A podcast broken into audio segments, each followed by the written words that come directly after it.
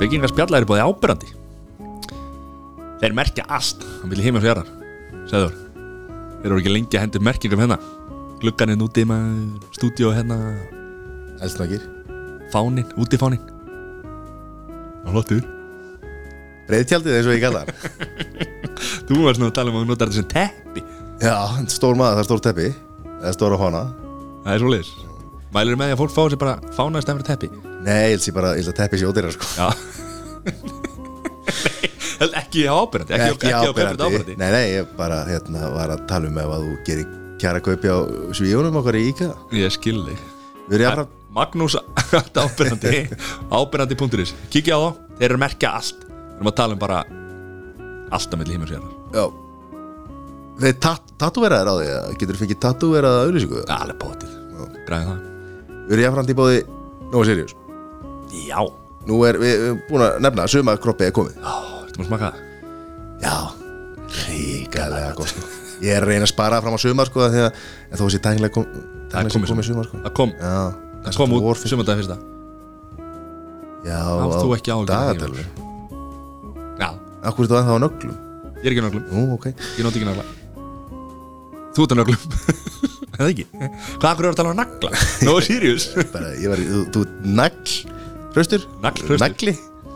Herri, það var komið nýð þáttur á podcastöðinni Á mannauðis máli Unnur Helgadóttir Hún er með nýjan splungu nýjan podcast átt Fekk til sem Brynja Már Brynjólfsson sem er formaður mannauðs sem er félag mannauðs fólks á Íslandi. Frábært þáttur. Skemmtilegt spjall um mannauðs- mannauðsmál. Gríðalega þart málefni, ekki?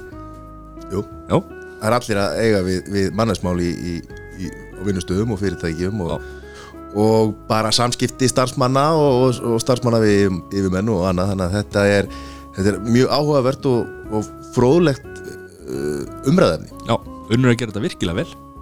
Mælum með að fólk bara kíki í, í hérna á Spotify og, og hlaðvarps veitur á mannauðsmáli. Subscribeið og, og, og hérna og hlustið. Og lækið Helga Braga, verður hjartalega velkomin í spekinga spjalla. Já, þakka þér innilega fyrir. Hvað segir þú gott? Bara allt gott, ég er aðeins upptekið Já, já. snappa hérna. Það verður að taka snappa þessu. Já, nákvæmlega. Ha, annars, annars gera slutinni ekki. Nákvæmlega. En, en velkomin til okkar. Já, takk fyrir, takk. Vi, Við ætlum að hafa þetta núna hérna, eða smá tíma að hafa það eins og eins og heimilið. Við ætlum að, ætlum að hafa það ljóst, létt og fallegt. Mm Þakka þér. Varstu að horfa á okkur þátt eða? Nó, það er bara búið að vera stolka mig hérna. Já, já, Við vorum á glugganum hjá þér í gerð já, já, einmitt. Sko þetta að draga fyrir Já, Hvað dróði í heimsókn? ha, Í... Hvað dróði í, í þáttin heimsókn? Þetta- neyðar uh, ráðstafanir. Það er neyðar ástæðin Já, nei, það, það, þarna, að, það fór að leka og ég þurfti að þarna, skipta um allt. Já, og þá var náttúrulega lag. Sko, Sindri var búin að hafa samband við mig áður ok. og beðið mig og ég bara, nei, nei ég er svo prívat sjálf, sko. Ég, ég geri þetta ekki svona ganni mínu. Fá, ég geri þetta ekki á ganni mínu að fá fólki heimsókn, nei. En þú veist, bara að fá eitthvað sjónvarsvelar inn til mín. Að því að þegar maður er unni mjög, mjög mikið við sjónvarp þá vil maður vera bara alveg prívat. Og finnst maður svona aðteglin svona stundum aðeins um of Maður er alltaf elda, elda aðdeglina Þá til maður færa aðdeglina Þá vil maður hann ekki lengur Já, maður vill hana bara alls ekki Nei. ekkert mikið fyrir hana sko það halda á að margir að, að, veist, við sem erum í þessum bransa við séum, þau séu aðtiklisjúk það er þvert að móti Já. þetta er bara jobb sko og því fylgir ykkur aðtikli og, og það, það var bara uh, já, comes with the territory, það bara fylgir þessu Já, já. Finnst þið þá að það sé einhver svona krafa þegar þú ert í til dæmis einhverju teiti mm. Er það svona krafa kannski frá fólki sem þú þekkir ekki að svona býð eftir og svona akkur, akkur er hún ekki hérna, hérna út um allt hérna í Já, karakter akkur er- og, ég hefur alveg verið sko í fermingaveislu þar sem að sko fjarskild frænka kemur til mín og, og, og seg, ætlar þú ekki að segja neitt hérna? Skilur ætlar þú ekki að skemmta?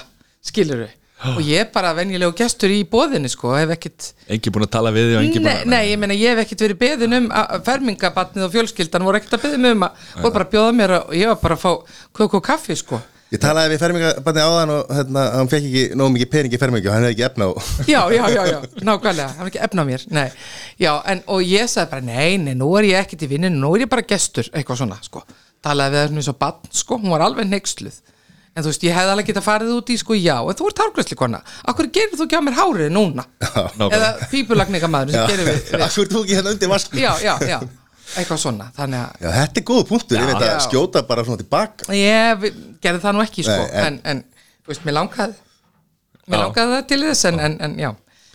En fólk náttúrulega gerir sér kannski ekkert grein fyrir sko. Já, maður á, að- maður á að gera þetta sko. svo að það er smiður eða eitthvað það er Já. að hafa hérna parkallistinni lausan það er ekki búin að laga þetta. Já, já, bara, eh, heyrðu, ert þú ekki að fara að gera við þetta, sérðu, Ho- horfa á sko. Nei, nei, við, Já, þú hefur gert þetta, þetta er svo illa gert. Já, eitthvað svoleiðis, já, já. Svona skemmtilegt en- svona party-talk.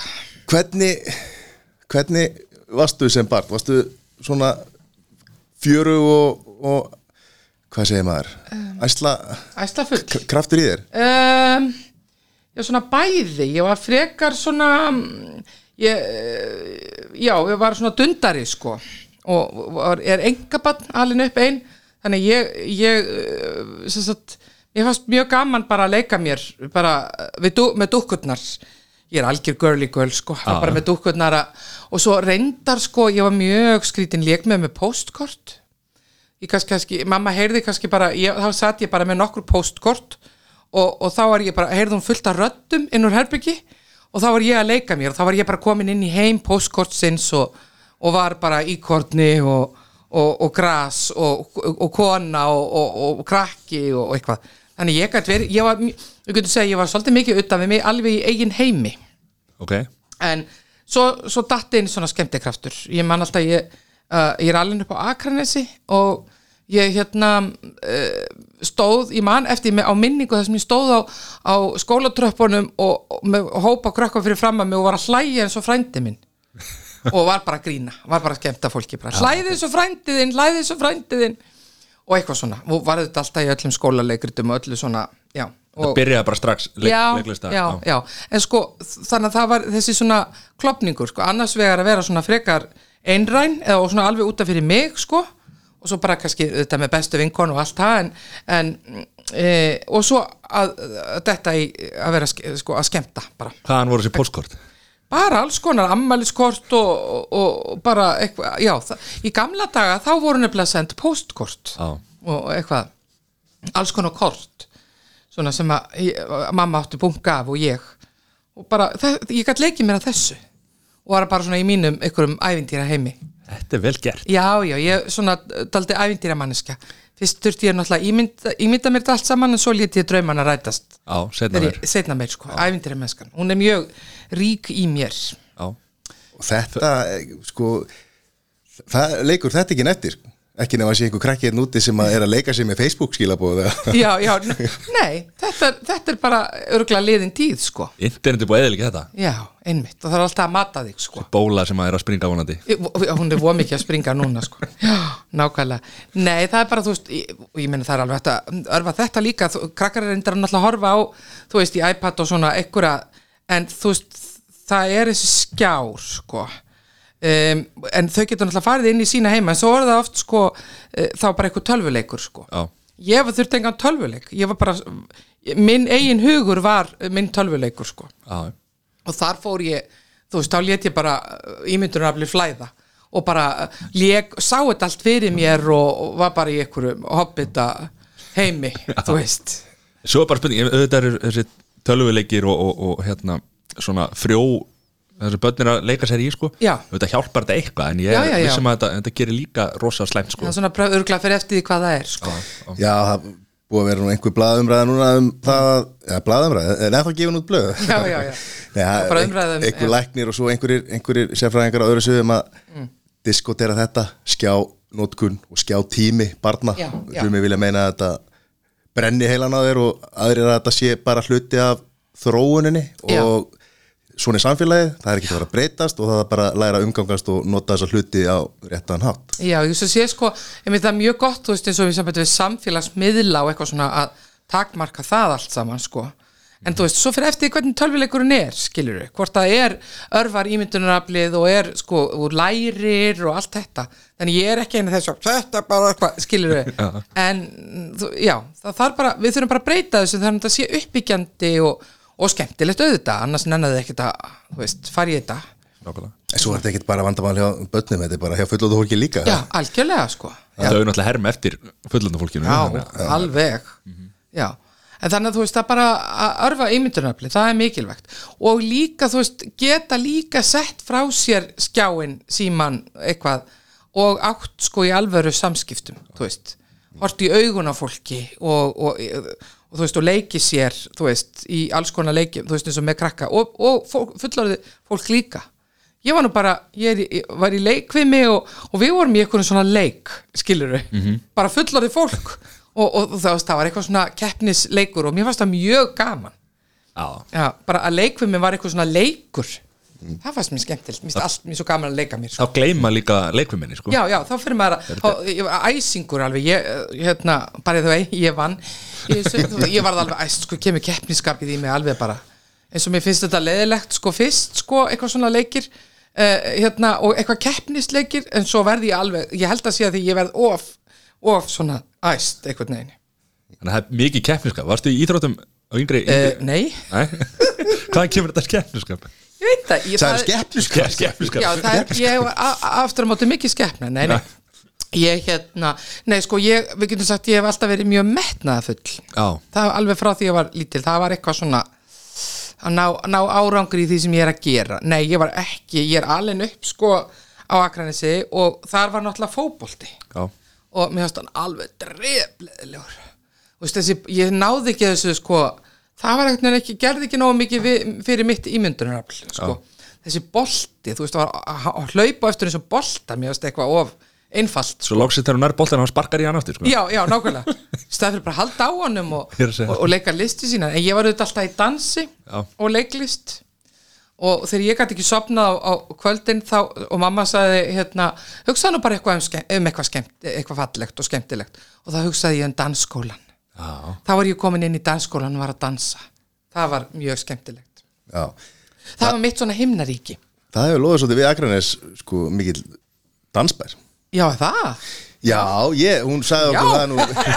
Já Já, já, ég hef nú bara var að reyði upp í kollinum að Já. hérna, hérna, heyrði gott orðið fyrir Já. Alls, allserja ráð þeirra jú, jú, já, hún er skastelp eins og Já, ég hún var í hérna var að keppa í, í uh, dansi. Já, ég man nú ekki hvað hva keppnin hét en var Já. keppnin sem var í mörg mörg ár svona, Já. þetta var áður en að skrekkur og þetta kom sko, þá var Já. þetta danskeppni á milli grunnskóla og Já, mér skilst að, að uh, Akranis hafi yðurlega verið mjög ofalega þessum já, ég kefti líka ég kefti í tónabæ, skilur í eitthvað svona dansi, diskodansi. Hún var að tala um það, tónabær. Já, Já. tónabær, já, já, þá erum við að tala um sama. Já, Já, já, já. frábært Þannig að Akranes er gríðarlega mikið dansbær dansbær, þá, þá bara vitum við það. Já, menn þeir, sko, fótballtamenni líka, þeir, fótballtu konundar líka, Já. dansa með boltan alveg fram hjá Jú, auðvitað er dans.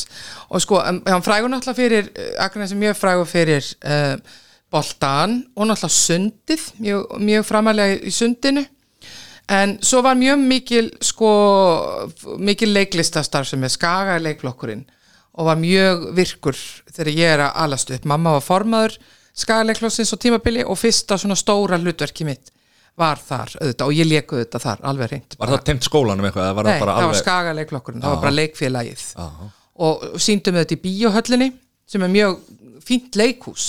Það er risa stórt svið ég man við, svo vorum við valin um, til að fara með það er alltaf sko, fara með eh, hérna leikrit í, í þjóðleikúsið þú veist, uh, áhuga leikfélag það er valið besta leiksýningin og hún fyrir þjóðleikúsið við, ég leikum uh, leikrit sem heitir Eðlisfræðingarnir eftir Durrenmatt Kjartan Ragnarsson leikstýrði því og þá vorum við mitt að mæla sviðið sko, þá var það breyðara heldur en eh, stóra sviðið í þjóðleikúsinu en auðvitað ekki eins djúft sko. Já, þannig að þetta er mjög stórt og fínt sko, að svið í, var það fyrsta leikritið þitt?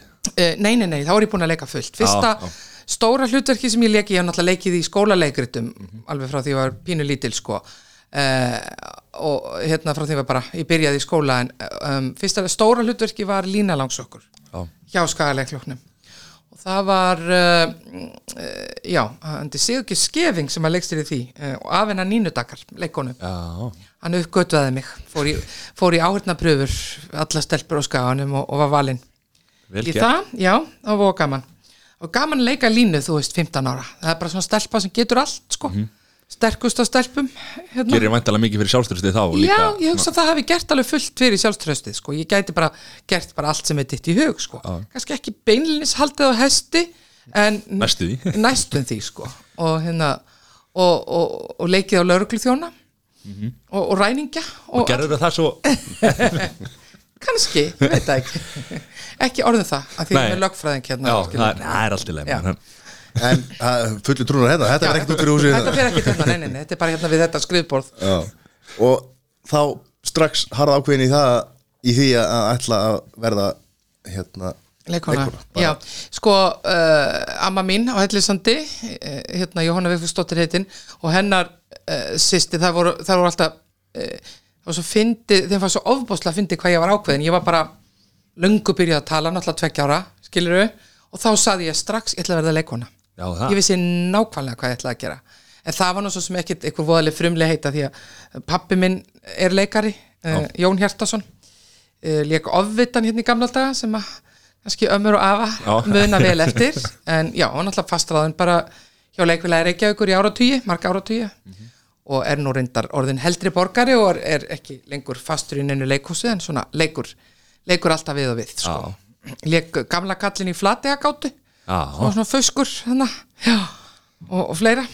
Þannig að, að já, það var uh, uh, það var alveg ákveðið veist, svo bara svo gekk það bara eftir. Ja, hvernig, hvernig varstu í skóla, þú veist eins og með lærdóm og hlis, það, það bara gekk það rosa vel og, og já, ég, mjög vel, mjög, sta- mjög gaman að læra. Og finnst það ennþá. Metnafull náttúrulega í já, mér finnst það bara mjög svo gaman. Ég var, ég var að gera mömmu geðvika sko, og, ég er ein, einsta móður alveg upp á Akranesi hjá henni og, og ég var alltaf að spurja hana um allt sko, bara hvað heitir þetta? Hvað efni er í þessu? Uh, bensín, hvað er í bensín, þú veist bara bara þar? ég var bara að spurja um allt. Ég var að gera hana geðveik ég var svo forvitin. Ég var að fá að vita allt Ok. einhvern veginn. Og þess vegna fannst mér svo gaman í skóla. Og, og líka örglega verið að gera ég er að fatta það núna, ég er örglega verið að gera kennarinn að brjála. Alltaf að spurja, spurja, spurja. En samt um, kannski ekki svo mikið því ég var freka feimin sko. Já. eða svona sko, það er svo skrítið, ég var ekkert endilega mjög sko, ég var svona frekar óframfærin. Nema þegar ég átt að grínast þá var það þú veist, og það eru margir grínarar sem að kannast við þetta Latti og Siggi og eitthvað svona bara, þeir eru náttúrulega, eru náttúrulega beinleginis feimnir. Já. ég er kannski ekki alveg beint feimin ég gæti verið svolítið óframfærin en ef ég átt að grína þá var ég einhvern veginn á það fannst mér auðvelt þá var einhver karakter eða einhver hlutar Já, það var, eitthvað, það var eitthvað svona braut sem að mér fannst sko, eitthvað svona lest sem að maður hoppar upp og hún er auðveld þetta er rosa algengt hjá bara grínustum Já. bæði íslenskum og ellendum að Já. vera svona alveg kannski tilbaka en, en Já, samt Þa, þarna er eitthvað sem er auðveld sko. Já. Svo bara þurfti ég að læra og, og, og þú veist, svo náttúrulega var ég að því að því ákvað svo snemma að verða leikona og þetta var allt skipulagt sko. ég ætlaði bara ég ætlaði að vera fastræðan leikona hjá leikfélagi Reykjavíkur. Og svo bara gerðist það svo var ég fastræðan hjá leikfélagi Reykjavíkur og svo bara, hvað nú? Þetta var alltaf stóri draumurinn. Og þá komi nýjir draumar og öðruvísi. Og þ- svo byrjaði bara lífið sko, tók þetta bara var fórst í eftir, leiklistaskólan já já, ég fór í leiklistaskóla fórst, fórst bara inn þar bara, já, bara strax. Bara strax? Já, það var að vísu sko, það var þannig í leiklæsskólanum að það var tekið inn, það var alltaf bara þrýr bekkir í einu, tekið inn þrjú ári röð og sleppt fjórða árinu. Og akkur þegar ég er að útskrifa stúdent þá, þá er ekki tekið inn það vor sem betur fyrir þannig að þá fór ég daginn eftir stúdentspróf til uh, Parísar, fluttið til Parísar. já, Ég var svona um, með frönsku þráhyggju. Ég var- lærður frönsku í í, í, hérna- mentaskóla, já, já í fjölbættaskólanum var þar í, í ég fór sko með átta annir í frönsku og kennarinn bjóð til áfangahendan ég var svo áhugasum en af hverju, af hverju Frakland? bara, ég var með eitthvað svona frönsku ok, var eitthvað frönsku frík sko. og hvað gerður hana? ég var bara, ég var bara au pair í Já. París hjá hjónum, þau voru bladamenn og hann var sko, þau áttu tvö börn, þryggja ára og þryggja mánada Le Petit Nicolas et la Petit Juliette Já, Juliette og, og hann var sem sagt um, íþróttafréttamaður og var að fylgja Tour de France. Ok. Og hún var vann á umbóðskristofu La Chance France Press og þurfti að fóra að vinna frá þryggja mánuða stúlku sko. Já, lítið litlu, lítilli dullu og um, þannig að fyrsta sem ég lærði var sagt að sterilisera pelan. Já, þannig ég var bara með hann að pela og hann litla uh, krútið, strákin, Nikola. Þannig að það ég var þar í fjóra mánuði. Og bara það ekki geðveikt? Jú, ógeðslega gaman. Og hérna, ég fitnaði 7 kíló franska konur fitna víst.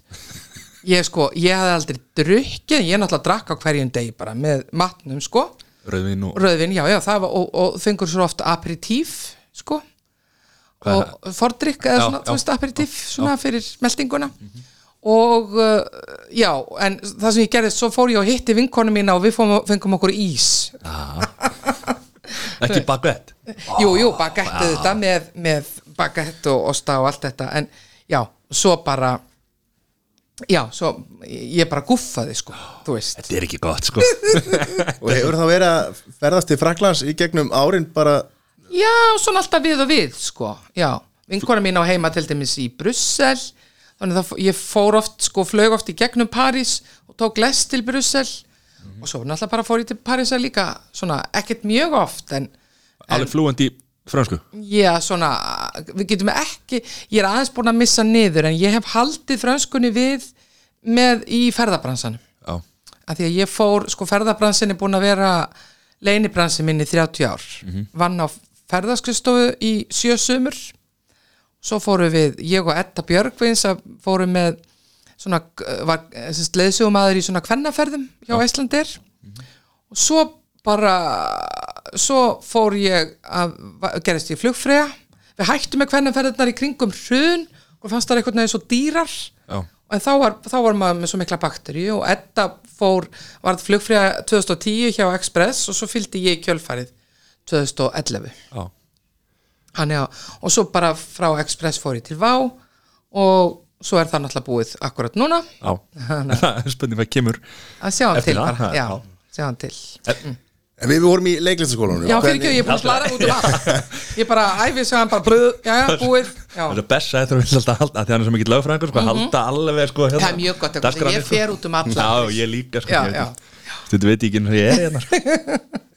Hvernig var bekkurinn samsettur í þínum á þínu ári? Það var Í leiklistaskólanum ja, í leiklistaskólanum Já, hvað, ég er alveg frá vó í barnaskóla, ég fór alveg þangað.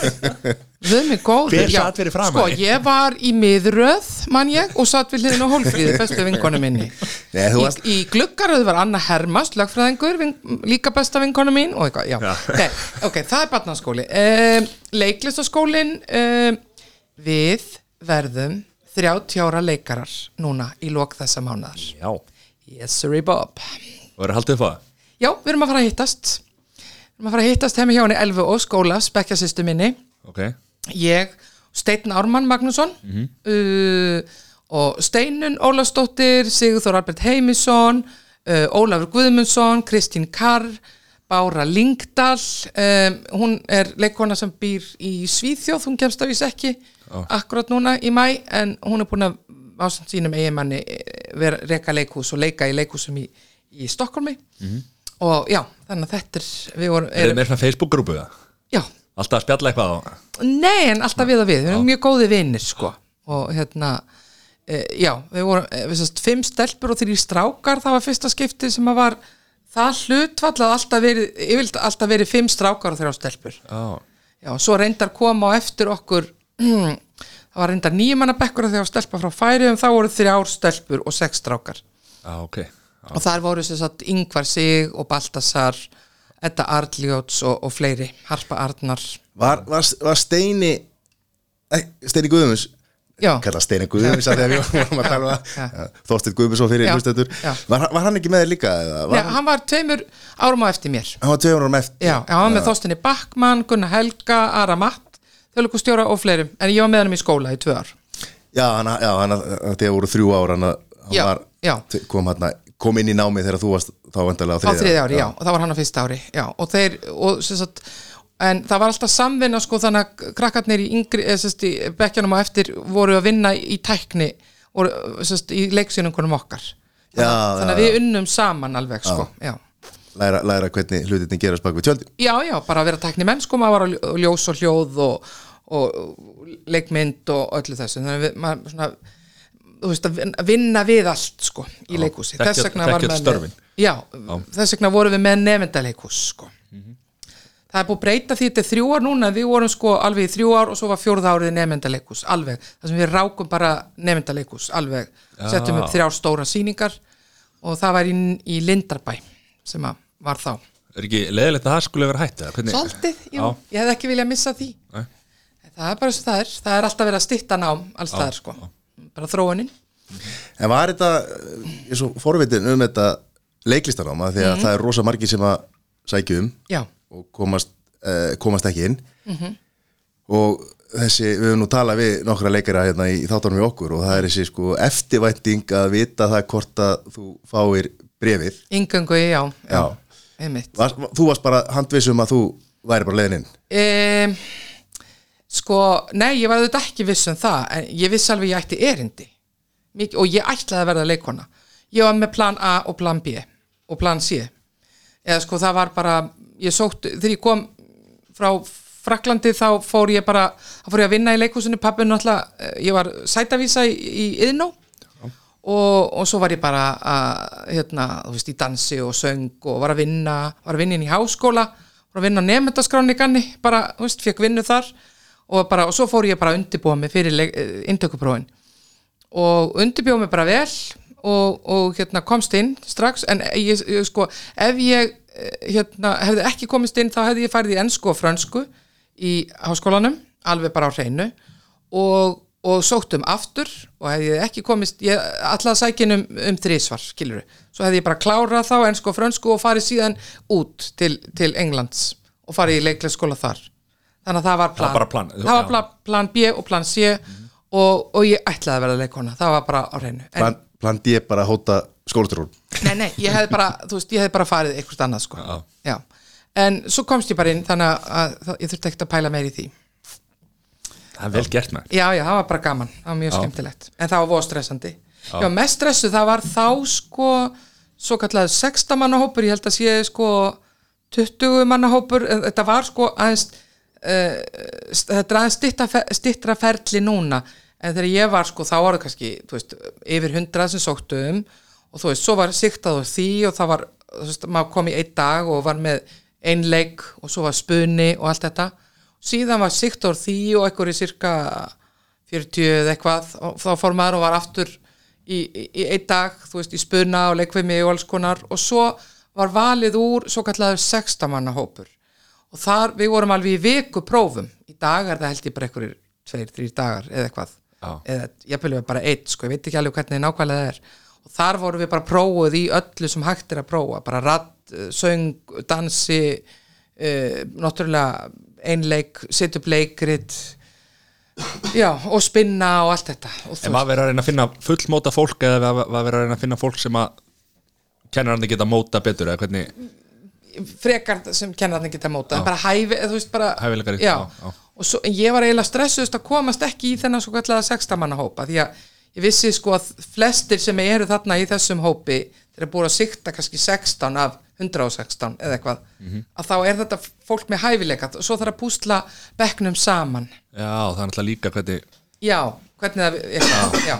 og svo til þess það var fyrsta skipti sem að það var gert, það var ekki okkur, það var Lárus Ímer Óskarsson, kvikmyndagerðamaður hann, við vorum í svona, á svona kvikmyndapröfum og svo leiðis með honum, þá var hann aðeins að svona spekulega hvernig við kæmum út í, á, á skjá eða sérst í Já. bíó sko, og hvort við varum photogenic? Photogenic. og, já, og, já, photogenic sko, og, og já, bara hvernig við myndum koma út á, á skjánum sko. Þannig að það, það, það hafði sitt vægi. Hvern, Svo fórstu kláraður skólan já, og svo var hérna hvað er fyrsta verkefnið? fór Fyrsta bara, ég byrjaði bara að æfa vorið sem ég útskrifaðist í leikriti í þjóðlíkúsinu uh, lítið fjölskyldi fyrirtæki heitir það eftir Alan Eikborn leik þar doktor Arnars Jónssonar og Solveig Arnar Arnarsdóttir, dóttir hans, leik litlu sýstu mína. Lilja Guðrún Átnandóttir leik mömmu mín, þetta var hérna svona svört komedía Já, mjög skemmtilegt leikrit og leik sagt, það fyrsta veturinn og svo annan veturinn þá fór ég inn í, inn í borgarleikus og var leik þar í fló og skinni uh, sem sagt farsa. að Jón Sigurbjörnsson leikstyrði og þar leik ég lata þjónustustúlku á Hótel Kísulóru og pappi minn leik uh, hérna uh, hótelstjórun og við leikum leikur saman. Já, og þá. mín líka. Já, ok. Já, hún leik svona fína frú. Þannig, þannig og svo var ég áfram í borgarleikusinu, svona on and off á, á no- nokkur ár og svo var ég líka með leikhópum, frú Emilju, Þýbilju og svo var ég fastráðin líka í, í borgarleikusinu Já. Hvaða ári eru að tala um hann það? þetta er alveg bara frá 90 til 97 Já. á þessum árum, þá er ég að leika bara alveg á miljón sko. Í, í borgarleikusinu með leikhópum og, og svo framvegis. Og fastráðin og svona. Þannig að þú, þú upplýður ekkert að vera þjáðu leikari í krísu og fá ekki vinnu og, og búa við kröpp kjör? Nei, drullu heppin maður. Auðvitað var maður ekkert að fá neitt mikinn pening fyrir leikhópana sko. Nei, og, og, og ekki í leikhúsunum. Ég brá, sko, þegar ég var að byrja í þjóðleikhúsinu að ég, ég fekk sko, ég fekk minna útborgað heldur en námslánin. Já, ok. Já, ég bara, wow, framtíðastarfið þetta er svona rosalega illa borgað. Og þess vegna eru, þú veist, allir leikarar, þú veist, þess vegna fór maður að lesa inn á leiki auglýsingum uh, og bara í svona aukatjöpum vegna þess að svo illa borgað. Harka já, bara alveg út í eitt já, sko. þetta er ekki vel borgað sko. Það er skellur sko. Já, svo byrjaði strax í sjónvarpi sest, uh, árið 90, 1990 þá, þá leikum við steinnarmann ráðin til að vera í svona unlingaþáttum sem hétu Ungmennafélagið. Og, og hérna uh, Valgeir stuðmaður, hann, hann var með þá þætti og hann hafði samband við kennara í leiklæsaskólanum og spurði hvaða, hvaða svona ungu leikar eru mjög sniðu að spinna skilur, að því hann vildi hafa þetta svona svolítið spunnið sko. Og þá var, þá komu þessi nöfn upp ég og Já. og, og hérna við uh, leikum þetta, þetta var svona síðan, þetta var svona fyrstu úlingaþættinni sem voru uh, svo var komið nokkrir í kjölfari eitthvað óbyð og alls konar svona úlingaþættir Þið hafi verið alveg gríðarlega miklu vinir bara frá já, Já, alveg frá leiklæsaskólan fyrst þoldi ég hann ekki. Já, og hann ekki mig, hann fannst ég svo merkileg með mig og verið svo mikið besservissir, það var þarna þessi forvitna sem að vissi allt sko. Eða þú veist svona, vil, langaði að vita allt Þú sko. varst búin að spyrja kennarinn og mömmuðina af öllu sko. Já, já, já, já, já. og hann bara, ó Já. þú veist, fannst, hann ætlaði bara og ég þoldi hann ekki, því ég var náttúrulega búin að stefna þessu að verða, og, og vissi allt um leikhús og, og þú náttúrulega pappi minn aln upp svolítið í leikhúsinu svona á helgum, þú veist, þegar ég var pappa helgarnar voru í leikhúsinu Já. Og hann kom bara og hann sagði, já, nei, ég er nú bara ég, ég, ég ætla að vera svona leikar, ég ætla að vera svona töffari Já. og ég bara, mér fannst hann ekkert sko. og, og svo gerði hann alltaf grínað mér ég var svona smá, smá, smámælt fyrst sko og svo, Steitnar, nei, Steitnar maður, þú hefur ekkert leikhús spirit gerði grínað mér, en svo gerðist eitthvað svona á þriðja ári og þá einhvern veginn, þá föttum við þá tók bara húmor. Við hættum að taka sjálf okkur svona alvarlega og hátíðlega og fórum bara grínast. Já. og vorum bara trillt úr gleði. Og Óli Guðmund sem er uh, leiklistarkennari með meiru og náttúrulega leikari og mikill svona spunameistari hann eiginlega svona sameinað okkur. Við þrjú vorum bara eins og krakka fíbl skilur, fíbluðumst út í eitt.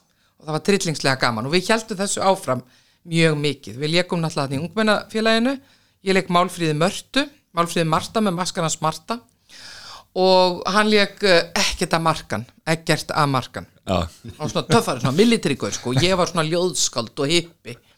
Svo náttúrulega þú veist hefur leikið alveg fullt. Og náttúrulega grínuðust og- meina hann er náttúrulega minn svona forverið, þeir, hann sko er eiginlega radíusbræður, ég er náttúrulega leik með þeim þegar þeir voru með sjónvastættina Já.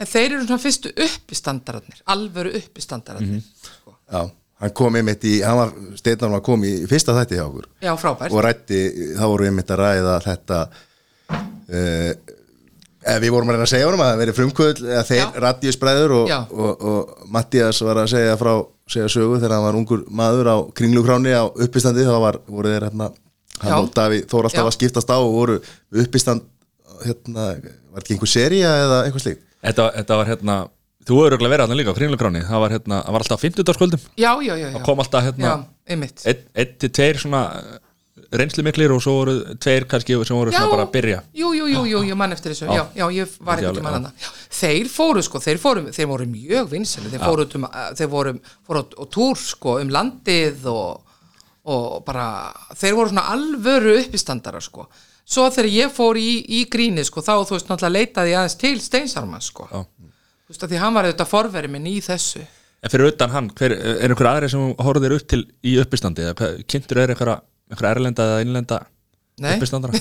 að því ég var eiginlega fyrst hérna af stelpunum sko. Að því að sko náttúrulega auðvitað er Edda Björgvins minn forveri í gríninu sko. En hún hafði aldrei verið með uppistand sko ein svona bara, bara með mækin hérna, hún hefði auðvitað verið að skemmta Já. með strákonum mikið og í svona karakterum og svona en er ekki beinlinis uppistand. Hvernig finnst þér að vera með uppistand? bara mjög gaman sko.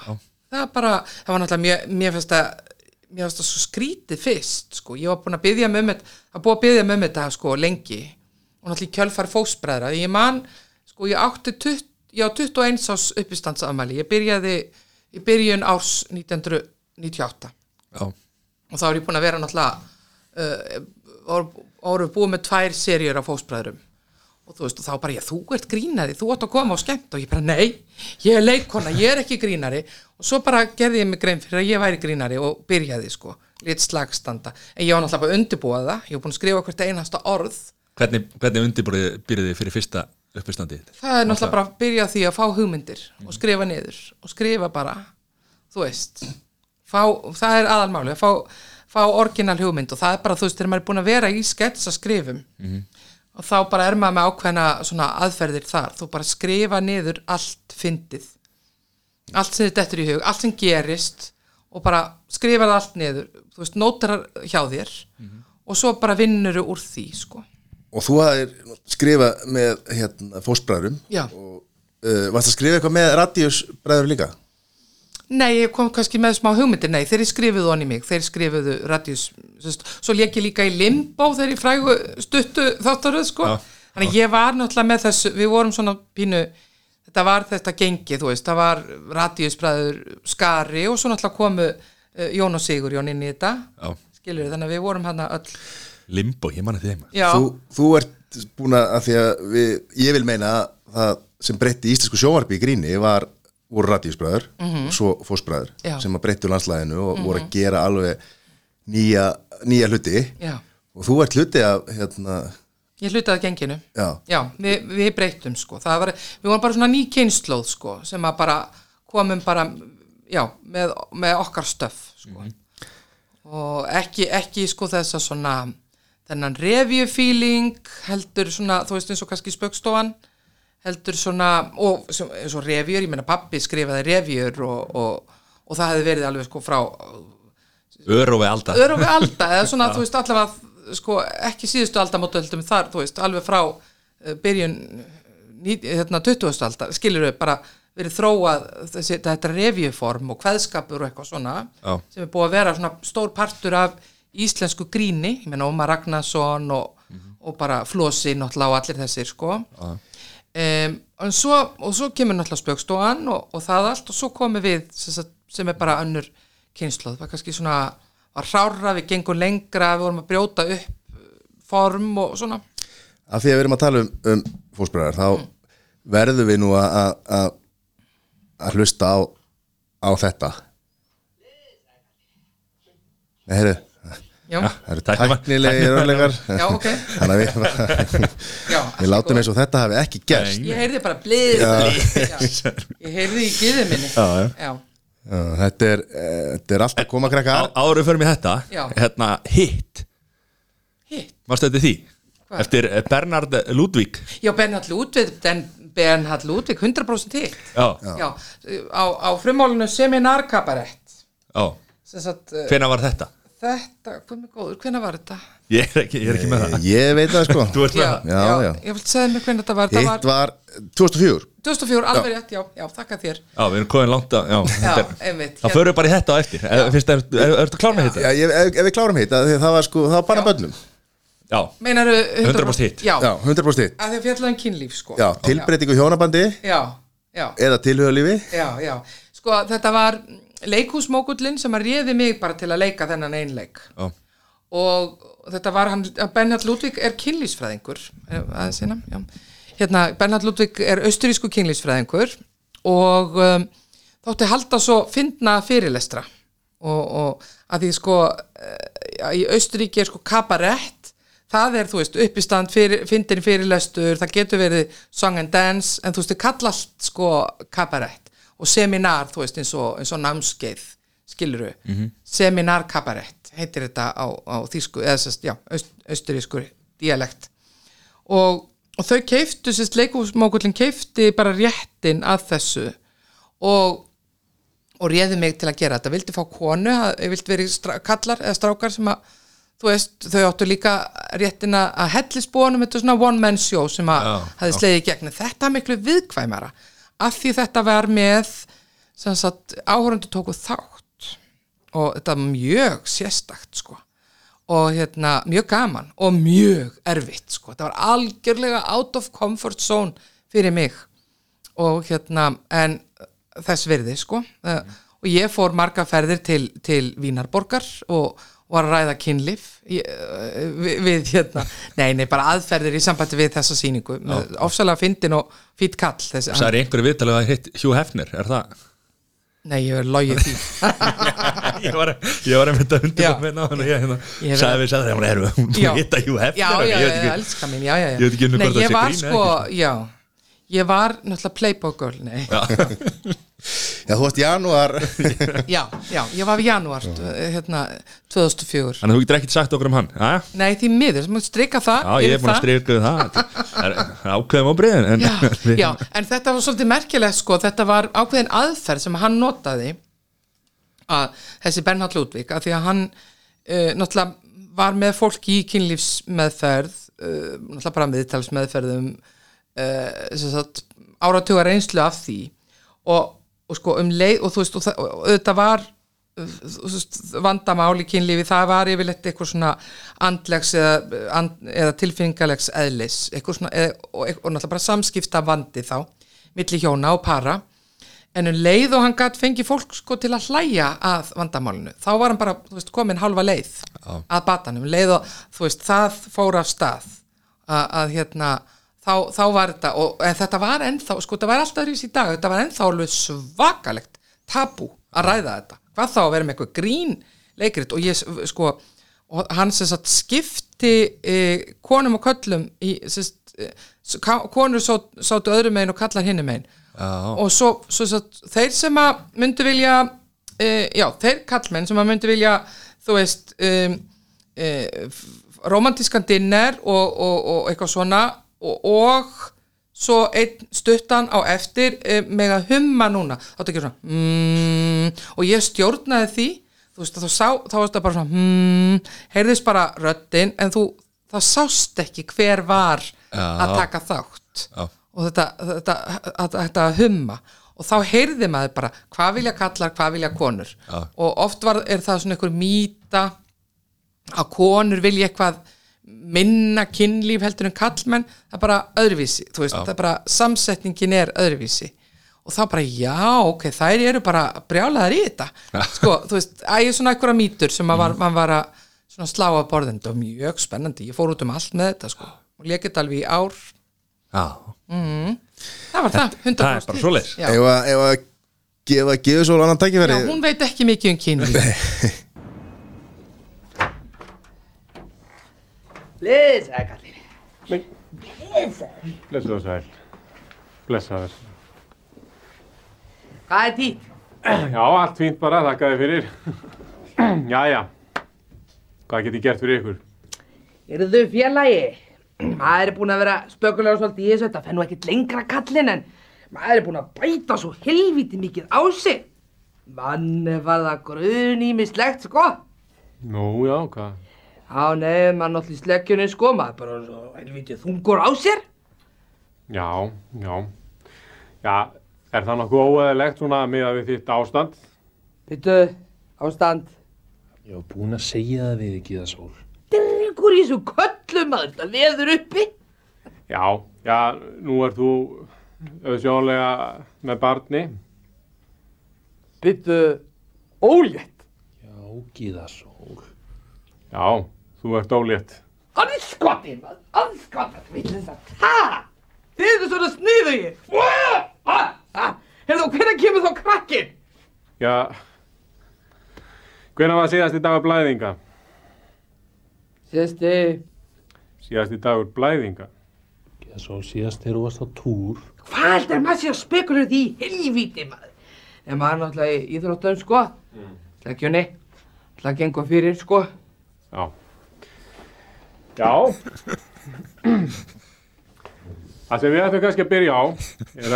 Hvernig koma þessar hugmyndi? Hvað hérna Þessi karakter er búin að fara mikið maður Já, hún var til í fúsbræðrum og við, við, við Steini Þásteit Guðmundsson við skrifuðum þetta, við skrifuðum saman sko og, og hún er náttúrulega úr úr mínum svona, hvað segir maður Vinkonu hóp Nei, nei, hún er eiginlega svona að blanda af einhverjum svona, hún er eiginlega að blanda af frænda mínum upp á Skaga og, uh, og svo einhver kannski einhverjum svona einhverjum konum í boltanum sem ég sá upp á Skaga þegar ég var alast upp. Já. en, en svona sketsana skrifaði ég náttúrulega með, með Steina. Já. og já, hún er bara einhvern veginn hún, mínum yðrum svona, já En ef við förum aðeins í fósbræður hérna, hvernig, hvernig byrjaði fósbræður? Hvað hérna? Um, Já, það var, um, það var Við byrjuðum á stöð þrjú og, uh, og þetta voru sem sagt um, Jón og Sigur Jón og, og svo Benni og, og, Hilmi Snær. Um, sko ég manast, þeir báðu Steinarmann um að koma og vera með já, en hann vildi ekki vera nema, nema með hérna Davíð Þór já, trúr sínum félaga sko. Já, já. þannig að það gekk ekki eftir og þá held ég að þið hefði fengið Benna og, og þú veist, þið vildu gera svona þú veist, svona fósbræðra lag, ég held samt að, að Benni hefði átt hugmyndina nafninu, en þið vildu gera svona einhverja nýja grínþætti sko. og þeir, sem að þeir voru náttúrulega byrjaðir á Jón og Sigur Jón og ég hefði leikið með þeim í, í þáttum sem að voru síndir á rúf sem héttu Örnina Sestur já, með henni Dunu, hérna, leikstjóra. Mamma stóra DNA Guðni Halldórsdóttur. Mjög skrítnir þættir. Fyndnir, mjög fyndnir. Var það eitthvað skýrskoðun í Hrafnin flýgur örninn er sestur? eitthvað svona, þú veist, eitthvað svona bara, já, eitthvað svona, Eitthvað eitthvað voða dramatíst en, en algjör, algjör bull en, og mjög mikið grín sko og bull, einhvern veginn. Og uh, þar lék ég meðal annars hérna eftirminnilega sem sagt, danska hóru sem hétt Issi Mogensen. Og það, það myndar hún svona, með svona rauða reykta kollu. Og hún var að koma hún var svona skakklapast úr einhverjum svona tógara og var að klóra sér sem sagt í neðri partunum af því að hún var svo mikið hóra. Og, og þú veist mjög, þú veist svona, svolítið svona absúrt og, og já, svona svolítið klikk sko, að ég þekkti þá og náttúrulega líka úr limbo, þú veist, þetta var pínu svona, ég var í þeirra gengi svolítið sko. Já, og þeir bara báðu mig og svo náttúrulega þekkti ég kannast ég þetta við Benna og, og, og Hilmi Snæ sem stór leikhúsinu. Þó þeir var aðeins á eftir mér í, í skóla og hérna og þeir báðu mig bara um að koma og leika sérst, öll kvennhlutverkin þannig að fyrsta serían 97 þá skrifaði ég hann ekki, þeir fjórir skrifuðu hanna Og og, og ég lék bara alla og þeir nefndi ekki einu sinni sko að skýra kvennhluturkinn, þeir getur bara öll helga. Og þeir vildu ráða og sögðu mig það, vildu rá, fá leikonu sem að gæti leiki sko kæristutna þeirra og dætur og mæður og frængur og þú veist með svona já, svona vítt svið. Já, já. og ég gerði það. Svo sagt, uh, næsta seria þá voru þeir, voru litlu leikarabötnin búin að fá nóg, nei, litlu leikararni nei, nei, þeir voru bara, Hilmisnæri var að fara að leika Hamlet og, og, og, bara mikið að gera í leikhúsinu. -hmm. og, og Benni hjælt áfram bara sem leikari en ekki höfundur. Og þá buðu þeir mér með í partíið að vera bara í genginu sem, sem skrifari sko. Og ég mátti ráða hvernig ég fekk með mér. Og þá fekk ég sem sagt, Þorstein Guðmus við vorum gamli vinnir, náttúrulega úr leiklætsskólanum þau leikið saman í leikriti sem að hétt Danni og djúpsæfið bláa eftir John Patrick Shanley sem að skrifaði um, handritið og fekk Óskarsvælun fyrir það handrit, handritið að Moonstruck með sér Já. og af leikritum sem hann hafði skrifað. Mjög magnað leikrit uh, og tveggja manna leikrit sem að við erum mjög nánir vinir mjög góði vinir. Voruð þið ekki í andleikúsinu Andleikus hérna, ég ætla að lesa þetta með Pladanov heitir hann Pladanov ha, byttur það var eitthvað rúsnæðst leikrit. Það var hérna í leikfélag Reykjavíkur. Ha, ég lék í Platonov eh, Var- hjá leikvilega var Reykjavíkur.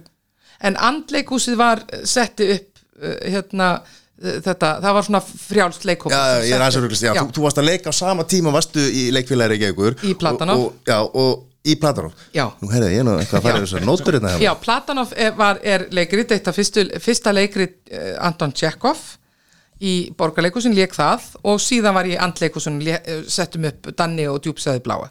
Það er rétt. Já, ha, þetta var óbáslega mikið að gera hjá mér þarna. Og ég var alveg út um allt. Og, og við lékum saman, ég og Steini og, og á þessum tíma 97 er hann að og 98 þá er hann farin að vinna á uh, hérna, auglýsingastofu bara sem, sem skrýbent sko. Og hann hefði líka ég hefði líka leikið í útvarsleikrit eftir hann, þannig að hann var að skrifa leikrit og sketsa og og sest, auðvitað fyrir auglýsingar, auglýsingar. Og ég vissi bara hann, hvað hann er góður penni, vissi að hann var mjög góður penni og er. Og ég vildi fá hann með mér, bara líka við erum svo góði vinir og með svipaðan húmor samt ekki, þú veist þannig að við tókumst á líka. Já, já, og hérna og þeir hefðu ekki hugmyndum hver hann var sem sagt Jón og Sigurjón. Heldur bara Þorsteinn Gunnarsson sem er eldri leikari sem var í, í, í borgarleikusinu í, leikfélagi Reykjavíkur og arkitekt líka. Og bara allar að fá hann með, nei, Þorsteinn Guðmundsson. Ég, ég vil ekki að svo, Gunnarsson. Og ég bara, nei, strákar. Og svo kom hann og, og, og, og, og hann var bara, ég vissi alveg, hann var með fullt af sketsahugmyndum, var mikill aðdáandi Jóns og Sigurjóns og mín náttúrulega, eða þú veist, við vorum náttúrulega bara vinir mm. og ég aðdáandi hans búin að leika í útvarsleikritum eftir hann og svona. Og hann var hann var alveg sko sem skrýpend þá var hann með litla glósubók og var alltaf að skrifa eitthvað fyndi niður. Og svo sko hérna Aransýrði ég og við sem sagt, fundi á Hotel Borg og ég man alltaf að Sigurjón og hann satt svona við vorum hann þrjú, ég og Jón og Sigurjón og, og hann svona satt á mót og hann var bara í, í sko áhörnapröfun nánast. Starfsviðtal. Já, starfsviðtali. Og hérna og hann, hérna og Sigurjón sagði, amaze us. Með sinni djúpu röddu en þetta var hann að grínast en, en hérna um, og, og Sigur, nei hérna Steini bara las upp úr, já, maður kemur inn og, og hérna inn í, inn í apotek og getur ekki uh, eitthvað satt, sagt að hann ætla að kaupa smokka svo hann kaupir allt, þú veist, bara alls konar Já. skilur þessi kemur og, dö, dö, dö, og heldur hann sé Napoleon og, og þú veist Fullt- Já, fullt bara svona sketsa hugmyndum og hann var bara náttúrulega ráðinn á staðnum sko. þú veist, þeir sáu hvað var með mikið hugmyndum og, og ég fullirti það sérst, fullvissaði þá um hann væri, hvað hann væri góðu skrýpend sem að kom svo í ljós mm. Bara frábært. Spil, eh, þið, þið sagt, hérna, skrifuð þá saman Já. og Jón og hérna, Sigurjón, Sigrún já. saman.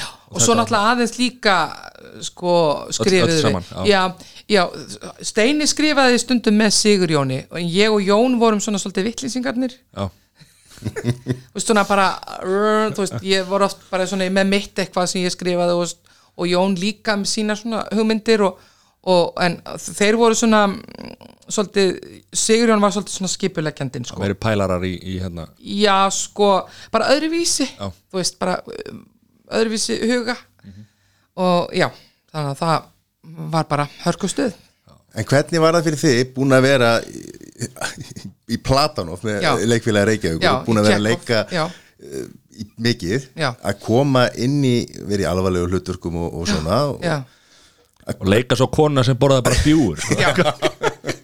nákvæmlega, já, og eldaði bara bjúa já. hérna já, sko ég hafði náttúrulega alltaf verið eh, sko ég náttúrulega var dramatísk leikona bara venjuleg, eins og innan gæðsaleppa bara venjuleg leikona og leikið alveg tölvert drama sko, bara í öllum sem leikhópum og í leikhúsinu og allt þetta og það var þetta alltaf það sem að ég sá fyrir mér sko eins og þarna þetta leikrit uh, eðlitsfræðingarnir uh, sem að fór í þjóðleikúsi þegar ég var ung, yngri.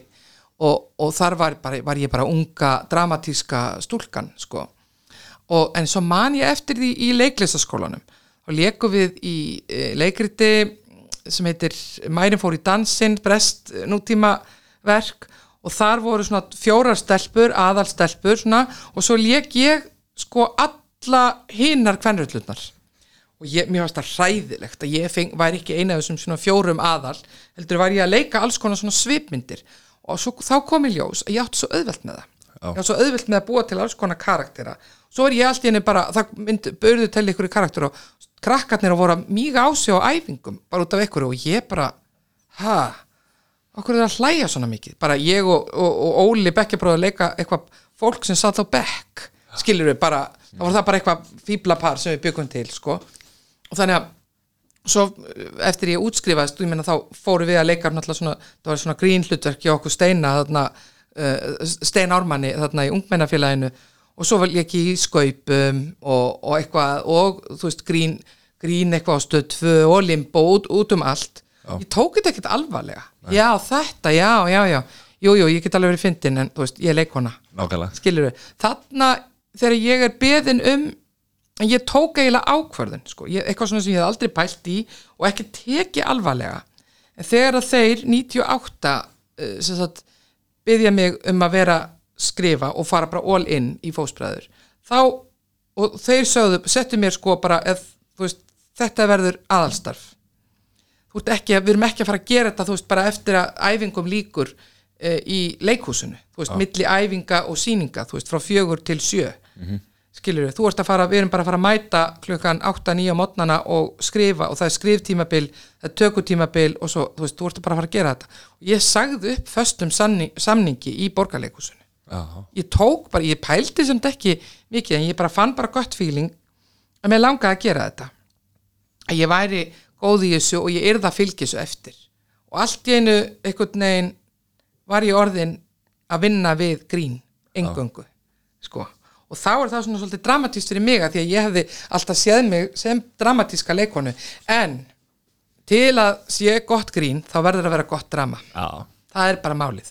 Þannig að þú veist, þá sá ég þetta svona þetta afstæða í þessu.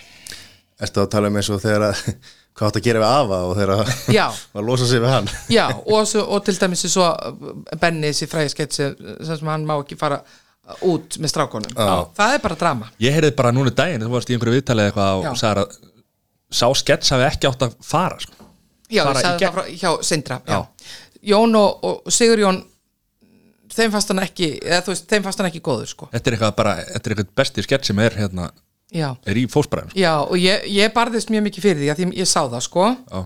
og svo Benni benti nú líka á að þarna var allavega svona bitastætt hlutverk, skilur og ég hafði alveg augu fyrir því og nef fyrir því sko. En líka að sketsin var mjög góður. Þeir, þeir kveikt ekki alveg á þessu ég sá bara dramatíkin í, þetta, í þessu Alltaf þegar við félagarnir erum að fara eitthvað út og svona og, og það, já, er að fá leiði hjá konu eitthvað Já, það, já. það er alltaf að vera þetta hungað ekki Já, sagt já, það. já, já. Þú veist það, Nei, briljant skrifað hjá, hjá þeim eh, s- Hilmi og, og, og Benna held að Hilmi hafi skrifað þetta en, en sérst, kom frá þeim Svo er náttúrulega langt best að hann lítur út um gluggan á Já. Tilbaka. Alveg, sko. Þetta er einmitt, já, þetta er þeir, þeirra skriftímabili sem var hérna fyrsta serían. já. og eitt af betri einn af betri sketsonu þar sko. Og þar er ég náttúrulega þar er ég ekki að skrifa en ég hafði þetta mína skoðanir á sketsonum sko. Já. og, og hérna kvatti þá mikið til að taka þetta. En það svo frábær hópur og góði leikar mm, Já, Benni leikarar, og Hilmi. Snær og, og, Og og Jónas og, allir góð svo, og líka ólík blanda. mjög ólík, gjör ólík. Svo getur nú, svo megum við hérna, svo náttúrulega kom Steini þú veist, svo breyttist sko, svo kom Steini og Gussi, Gussi, gleymum já. ekki Gussi. Nei, já, dásamlegur alveg.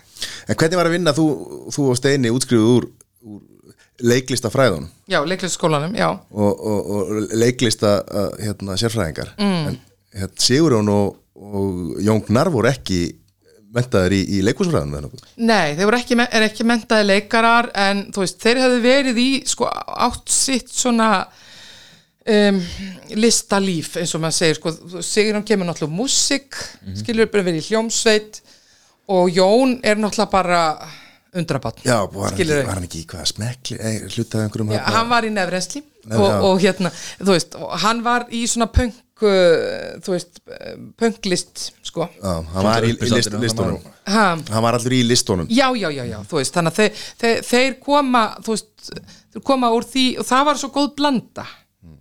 Ég meina, þú veist, það eru náttúrulega okkar, eh, þú veist, margir af okkar bestu leikurum, sko þú veist, meina, Latti er ekki mentaður leikari, ekkert Þorleifs er, er náttúrulega kemur úr, uh, sko sest, úr, úr músikinni, sko. Já. kemur þannig, semur músik uh, og kemur þannig inn í leikhúsið uh, Pétur Jóhann, frábær leikari. Þú veist, ég meina þú lærir það þetta er mismunandi hvernig þú lærir þetta veist, en þetta hjálpar alveg auðvitað, leiklistaskólinn og svona já. Og Steindi Junior kannski sínda síðast já, í undir já, algjörlega frábær hann stendi já. En bílastæðverðinir, ekki segja mér að það er verið að skrifa það niður Þetta lítur að vera spunni, sko. Nei, það er allt skrifað. Þetta Allt grínast, Þetta er bara, Þetta þetta er er bara bara að vinna sko. já. ég, ég held nú hann, hann, hann Jón hafi skrifað þetta Það hlýtur að vera, sko. Já, úr hans, hans uh, sjúkahuga Nei, frjóahuga Við gætum náttúrulega verið að ræða fósbræðinni í Já. Askvöld sko, þetta er náttúrulega hver öðrum hérna, betri sketsin og, og sko og, ennþá gaman maður náttúrulega lá yfir þessu þegar maður var yngri og það er ennþá gaman og Mm. þetta, þetta heldur sér sko brandararnir eru allir svona mjög hvað segir maður, þeir eldast vel þetta er, þetta er topic sem er Já. alveg jafn relevant í dag og var þá Já, við, að því við vorum sko, við tókum þá afstöðu að, að uh, vera bara með svona afstætt grín, bara svona almennt afstætt grín, ekki endilega eitthvað, ekki stjórnmál og eitthvað, að því það náttúrulega spöggstofan var auðvitað að sjá um það, sko svona þetta daglega, það sem var að gerast þá stundina. Við vorum bara með þetta afstæða og þann, þess vegna hefur það lifað. Hvernig var að koma svo saman þegar þið skrifuðu skaupið? Það var opbáslega gaman. Já. Það var æðislega gaman. Það var 2000 og Sau- 16, 17, já, 16, 17 sem sagt, Já. aldam, nei, hérna aldamótin, uh, áramótin já, 2016 vorum við að skrifa og tókum upp og svona, það var mjög gaman en af því að þú ert búin að vera oft í sköpunum. Já, uh, 94 fyrst að, að ég held. Já, hvernig er búið að breytast tíðrandin uh, frá 94 og núna? Er, hvernig finnst þér svona munurinn á að leika í, að vera í kringu skaupið? Mm. er fólk eitthvað viðkvæmar í dag eða öfugt þeir sem að lenda eða sérst verða fyrir barðinu? Sko eh, mér finnst sko í dag það er það, það er alveg svona það, svo sé ég jafnvel erfiðara af því þú veist, það er þetta svona politically correct sko. Að það má minna, dag, það má til dæmis minna í dag heldur en eins og þegar við vorum í fósbræðurum Já. við vorum ekkert að pæla en það voru þetta ekki vinsælt til að byrja með. Það voru allir brjálaðir. Ég held að við þeir fengi, meira svo sko ba- að því þeir eru náttúrulega svona frumkvöðlar eins og, og radíusbræður og, og, og, og svo við í fósbræðurum og svona. Sko, ég, ég held að þeir hafi fengið morðhóttanir sko, Já. þú veist hérna radíusbræður og, og, og, og Jón og Sigurjón og, og einmitt símadömurnar á, á stöð 2 Já, frækt, frækt aðrið hann að þeirra. Jóknar já, já, nú er bara og opið bref frá félagi eldriborgara bara út af þeim sketsi sko. Já, já, ég veit það sko það, en já, þannig að það má minna. Já. en til þess að vinna við skaupið þá er það bara það er minni tími. Núna heldur en var. Já, maður fær minni tíma og minni peninga það er bara svo leis Alltaf verið að spara já, þú veist, það er bara verið að reyna að þjappa þessu saman sko Já, nú þessi krafa líka, nú er allt fyrir að gerast hraðar Já. bara með samfélagsmiðlunum Já. og eins, eins og bara frægasta dæmi bara þegar klaustusmáli kemur upp og, Já. og það þurfti bara að opna, opna skaupið Já. aftur til þess að ná því jætri akkurat, inn sko já, já Hvernig er að horfa á skaupið þegar þú ert búin að skrifa skaupið og, og, og hérna Ertu kringum fólk já, já, já, bara familjan sko svo erum við öll leikarar, skiluru Já. Og við reynum náttúrulega að taka þessu bara létt sko skiluru, Þannig meiri pressa þegar þú ert búin að skrifa skaupið? Jú, jú, já, einmitt. Já. Og Tilfinningin þá? Það er svona smá spenna sko. Já. það er alltaf smá spenna. Já. já, já, það er alveg, maður er, maður er bara svona á nálum svolítið. Ég fannst þeim svo hérna Skaupið ykkar hérna 2017 verður frábært. Takk fyrir, það komu bílastæðaverðir. Já, já, ég veit það. Mossack Fonseca kom þarna alveg, já. Og og, svo við náttúrulega eins og ætlaðum að gera sko, þú veist fósbræður þau skaup Já. Þú veist, við, við vorum fósbræður og veist, það bara mátti. Já, já, en svo er indrið og svona það var fólki kringum bara, hver, hver er þetta? Á þetta er að fyndi það bara, e, grínast, eða? já. Þetta er og við vissum það alveg það er bara, veist, við vorum umdeilt og, e, og það er bara og það það er allt í lægi að vera að, ef að grín er umdeilt það er alveg bara gefið að þú veist að fólki finnst ekki það finnst ekki öllum eh, eitthvað fyndið sko, Nei, þú veist sem að við erum ekki, við, við, svo ég orðið þetta betur við erum ekki öll með sama húmórin. Sem betur fer maður. Ég skil aldrei það finnst mér daglega líf sko, það finnst mér engin fyndin og ég held að reyna eitthvað sko. Hvaða, hvaða? Ha, Þetta er bara rétt sko. Ok, Já, ok. Já, allt er það En mér- fannst við skauta Full hratt yfir skólagöfuna Ég veit að þú dörgla hérna, orðin þreytt á að, að, að þurfa hérna, svara fyrir fósbræður og þetta dörgla oft, oft í viðtölum og svona. En Gíðasól verði miklu stærri, hún leikur í já, uh, Hún hérna, á sér sjálfstætt líf. Já. Og væntanlega veislustýrt. Hefur verið Nei, beðin um hún að hefur ekki veislustýrt. Hún er ekki veislustýrt. Nei, hún hefur ekki alveg karakter í það. Nei, þú gerir það bara sjálf og kannski dreifur hana upp Já, hún er til dæmis bara, er að fara að skemmta núna bara, uh, hún er að fara til dæmis þarna 8. mæ er hún að, er hún að skemmta að starta þarna hjólaði vinnuna. Já, já, já þar verður hún á stórum dekkjum eitthvað. Já, hún sko, já, hún, hún hefur bara lifað. Og ég man að þetta var ákveðin dilemma hjá okkur í fósbræðurum að því ég átti mína karaktera og þeir líka. En þeir vildu ekki þeir voru hrættir við sagt, höfðu ekki smekk fyrir þessum karakterum endilega. Og, og þú veist, fannst að það eitthvað of mikið spöggstofu Já, að vera með karaktera. Já, vera með karaktera. Já. og ég, þar skildi svolítið á milli, mil- milli, ég vildi mína karaktera sko. Og, og það var samt sko og ég vildi halda áfram með það og þeir vildi ekki og við vorum bara, og svo hættu við það því að við vorum mjög ósamála um hluti. Já, og enda líka bara ágætt, þú veist, eftir fimm ár fimm serjur, þá bara búið. Já. halda þessu bara, þú veist, svolítið fersku. Það er oft verið að mjólka svona verkefni of mikið og já, ég meina bara já, já, og hérna og ég, þú veist ég hef ekki sko gert geðusól nema að sé eitthvað svona stærra skilur já. ég, ég er ekki með geðusól bara, þú veist, í au- auglýsingum út um allt, sko, hún hefur tvisvar verið í auglýsingum, hjá Biko og, og, og hérna Suzuki. Suzuki sko, og með löngu millibili. Þannig að, já og það er eitthvað sem hefur hendað henni. Já. ég myndi ekki fara að gera, þú veist auglýsa eitthvað sem er sko uh, þú veist, sem er ekki hún. Þú veist, þannig að maður verður að bera virðingu fyrir karakternum Þú ert ekki að fara að gló með hana? Nei takk, nei, nei. Nei, hún, sko, já, það þarf að bera algjörlega það, vera, það þarf að henda henni, sko. Já, og hún hefur líka farið til eiga hérna er, er stór þetta ekki þetta er dásan og þarna eru þú veist stelpur sem að, þær höfðu samband við mig báðum leifi og, og voru að spyrja hvernig, hvernig búningarnir væri og, og hvort ég ætti búning og, en það er sko náða, láta, láta sauma nákvæmlega búninga og, og bara, þú veist, með barnavagnin og, og dekkin og þetta er alveg geggja sko. þetta er æðislegt, ég var alveg stolt mamma Já. margra geðusóla ha. Já þetta er bara eitthvað sko, svo er eitthvað, svo er þetta bara karakter sem á bara sitt líf sko. Já, og er eiginlega bara einhvern veginn ég er bara millistykki. Þú er búin að slökka á mig sko. e, no.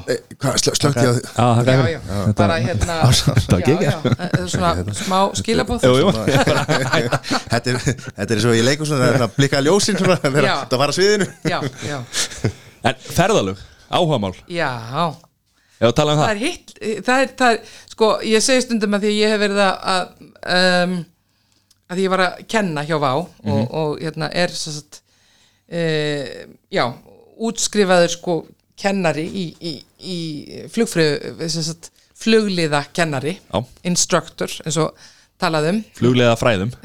Já, ég er ekki samt að kenna á keili eða neitt svo leið sko en um, um, já, og ég segi sko ég fættist með tvær bakteríur leikúsbakteríuna og uh, ferðabakteríuna. Já, og svona í setni tíð er ferðabakterían, hún er eins og hún sé sterkari sko. Já. ég hef alltaf haft, það er þessi hérna st- stelpan sem að er bara með póstkortið og ævindýramanniskan Já, Og- koma að því aftur. Já. ræða póskossin já, já, Hvað er skemmtilegasta land sem þú farið í? hvað er með góður hvað, sko mér er náttúrulega efst í huga það sem ég var ég var mánuð á kúpu, tæpan mánuð á kúpu og Aruba í Karab, ég var sérst í Karabíska hafinu að kenna. Um, uh, Vá legði vél nið, til, til handa uh, Aruba Airline og, og sérst, þá með uh, þá flugmönnum og, og, og flugfreyjum og svo var ég að kenna að Aruba Airline fólki a, til að vera um borð crew, flugliðum. Og svo réðu þeir líka flugliða frá Kúpu þannig ég var að kenna á Aruba og í höfustöðum Cubana Airline. Já, það var æðislegt. Hvað varstu var svo að- gaman. mánuð? Já, tæpan, Tæpan. Mánuð, já, með öllu. Ég var, var aðeins lengur og eftir að ég var búin að kenna og var að ferðast um Kúpu því ég hef alltaf verið draumur hjá mér að fara til Kúpu já, og mæli með því. Mhm. algjör, algjör draumur. Og síðan hef ég verið um, hef ég verið í Sri Lanka? Allir það sé ekki mér svona efst uh, í huga núna. Já. Líka bara með hvað er búið að gerast á Sri Lanka. Hvað er land sem varst þar? ég, ég var þar bara núna í februar Ok, já, fór sagt til uh, Sri Lanka og Indlands. Fór í, í ég ferði í jókaferðir til Sri Lanka til Tangal sem er siðstu oddur uh, Sri Lanka. Ok. Dásamlegt, það er svo fallegt land og, og gott fólk og hérna, já, og svo var flög ég sérst að því að Vá var að fljúa til eh, Indlands og ég flög til Indlands og, og ferðast líka þar. Fór til Delhi og ferðast svo til Agra auðvitað, Taj Mahal og fleira. Þannig að Það, þú, þetta, er, þetta er nefnilega smitandi sko. Já, þegar maður byrjar sko. já, Ég hef alltaf sko uh, það er ævintýra blóðið í mér sko, stundum hef ég sko að því við búum á svo litlu landi á eigu og þá hef ég fengið stundum uh, svona á andnöð þurft að einhvern veginn ver, vera í miklu stærra samhengi. Vera bara svona svolítið uh, já dropi í stóru hafi. Já, svo er ég læriður kafari og hef kafað út um allt ka, allan heim. Hvar lærður það? um, ég lærði, tók sko bara svona bóklega og sundlegina hérna heima og kláraði sjóin í eh, hérna í, á Hawaii Já, það var ekki leiðilegt nei. Það var dásamlegt. Já. Já. Og ert að kafa mikið núna? ég er ekki kafa, ég hef ekki kafa hér á Íslandi. Aðeins svo kalt, ég er meira svona í heitum sjó. Mhm. já, mjög gaman. Þetta er svona mi- mín áhuga og ég er svona vastýr Já, ég fer í sund á hverju meinasta degi. Ok. Og bara, já, ég er algjört vastýr ég er ekki á fjöllum eða golfi ég er bara, það þarf að vera vatn. Já, endar fyrir þá sem hafa áhuga þá er ég vatn, ég er sérst sportreiki í Ísandi krafti, bara vatn og og, þú ert að þá vandarlega, ég ætla nú ekki að vera ákveða framtíðina þína fyrir því Nei, en hver veit? vandarlega ætlar að samtvinna uh, þetta sem að þú gerir best sem að er að, er að hérna, vera performer og ferðast og, og, og samtvinna þetta Já. saman. Já, ég er sko eins og ég sagði ykkur, þá er ferðabransin búin að vera leinibransin minn í, í mörg ár, áratvíi 30 ár og, og núna sko eftir að vá fór þá fór ég náttúrulega bara svona, þú veist að skemmta og, og halda fyrirlestra og svona. Ég til dæmis verið uh, fyrir hótel þá var ég að halda fyrirlestur um svona samskipti á vinnustöðum sem er líka uh, og maður kallar CRM uh, í, í fluginu. Þú veist, crew resource management, þú veist, hver, hvernig ólíkir hópar geta unnið saman að sama markmiði og á náttúrulega við svo, sem alla vinnustæði sem að mér, ég hef áhuga á að, að, að þróa hjá mér eh, sest, þá kannski næsta vetur. Já, þa þannig fyrirlestraröð um samskipti. Sem að ég náttúrulega, maður er búin að stúdira í fluginu og kenna og, og er mjög mikilvægt sko. En er auðvitað allstaðar á öllum vinnustöðum þau eru allir vinnustæðir á þessu halda? Já, já, Það er svona, Já. hvort sem að fólk sé með þetta á hreinu eða ekki, þá er alltaf gott já að fá bara gott að rifja upp og, og og svona ákveðin utan að koma til þess að ræða þessi mál sko. já, sjá, sjá það, þú veist gefa sér kannski ákveðnar aðferðir og leiðir og, og hafa gaman. Ég grína mig náttúrulega sko, ég er í grunninn frekar alvarleg eins og þau kannski, ég veit ekki. Eh, en, en ég er svona, þú, er, er þessi blanda Já. þú veist, þannig ég mér finnst alltaf, veist, þegar ég var að að skrifa, þá var ég oft með sko svona alvarlegan undirtón skilur við, eitthvað sem ég vildi koma framfæri með góðum undatekningum eins og geðu sól og svona skilur, já. og detta rassinn og, og, og, og, og þú veist og, og prumpa, þú veist, og allt þetta klassíska, Já, sko. já. En, en þú veist, ég var alltaf eitthvað, vildi eitthvað segja, sko. Uh, uh, en svo grína ég mig inn á fólk. Ég hef haldið fullt af fyrirlestrum og svona og um alvarleg málefni en sett fram á fyndinhátt fyrir mér þá, þá er það kemur best út fyrir mig sko grína mig inn sko alveg eins og Bernhard Ludvig sko talaði um mm -hmm. tala um alvarlega hluti um leið og fólk getur leiðaði þá slakar það á og það er það er halvur sigur Detta niður veggindir í kringu þig og, og hérna. Er það ekki, er ekki læknandi að hlæja? Er Jú, jú, það er alls konar rannsóknir sem að hafa sínt fram á að, að hvað hláturinn er, er hérna heilandi. Veist, það fara öll þessi gleði hormón á stað og, og stresshormónin e, minka og allt þetta. Það er bara, þetta er mikið lækn, e, þú veist. Ég meiri sér að fór einhvern tímann á svona, hérna, í hlæ, hlátur jóka. Já. Og mjög gaman, sko. Mjög skemmtilegt. Við möttum að prófa það selv Já, þið hefur prófað. Þið, heyrðu, þið verðið að gera það. Já. Þið verðið að fá hana ástu hlátur jókakonu og, og hlæja með ykkur. Já. Þá kemur hún bara hérna byrja bara að hlæja. Ha, nákvæmlega. bara það, ég Þetta- bara, ég, ég veit ég, það. þetta er bara þindaræfing sem ég er að gera. Eitthvað hérna. Og þá byrjið þið að hlæja, skilur og svo bara, þú veist, Já. svo bara hlæjið þið í, í, í einn og halvan tíma. Það rosa vinsælt ykkur. Já, Já, ég, að er með hugmynd, eigum við að stopna flugfélag Uh, Fun- Fun fun er fun er. Fun, fun, fun, já. En svo, svo segir við, það er er ekkit fyndið í flugurki Við erum ekki að hlæja að því við, Nei, nei, nei, Þar erum við alvarleg Nei, það er, það, þannig var það líka hjá var mjög mikilvægt. Já. En hvernig, þetta er nú stutt síðan Já. Hvernig eins og fyrir alla, alla þjóðina og, og sérstaklega hérna, starfsmenn og fjölskyldur Mhm, váver uh, Breytti markanum Já, í íslensku flugumhverfi. Hvernig, þú byrjaðir hjá Æsland Espressa það ekki og fer síðan til Váver hvernig, hvernig var stemningin sko á þessu tímabili, hvernig var að taka þátt í þessu æventýri? Heyrðu, þetta var ævintýri. Þetta var algjört ævintýri og ógeðslega gaman. Það var, það var eitthvað svona spirit, það var eitthvað andi, þú veist, í, bæði var mjög skemmtilegt einmitt hjá, hjá uh, hérna, Express. Það var svona, erum eftir það var svona appi sín ykkur fugl og þú veist, það mátti grínast og hafa gaman. Og, og, og, og Vá tók það bara svolítið alla leið, sko. Og, þú veist, það var ekki verið að taka sjálfan sig, sko, flugöryggi var auðvitað í fyrsta sæti, nummer 1 og 3 öryggi og, og hérna og allt það, en svo, þú veist, við persónulega vorum ekkert að taka okkur endilega mjög svona hátílega, sko, við máttum grínast og hafa gaman og vera, vera svona létt, sko, Já. vera hérna, létt og sæt og bleik. Og hérna og náttúrulega, þú veist, það var einhvern veginn og, og þú veist, það var svona glamorust, það voru náttúrulega dásamlegar vélar. Já. þú veist, það voru glænýjar, ég hef aldrei fundið sko, hérna, nýju flugvélalikt fyrir ég fór að- vinna hjá Vá, þú veist, það var bara að taka sko plastið af sætunum sko og þú veist, er, ég elska þessar vélar, þessar hérna Airbus vélar, mm. mjög skrítið að segja þetta að þið ekki að vænt um flugvél. En þetta er bara svona, þú veist, þetta er eins og ef þið ekki vænt um bílana sína og eitthvað svona.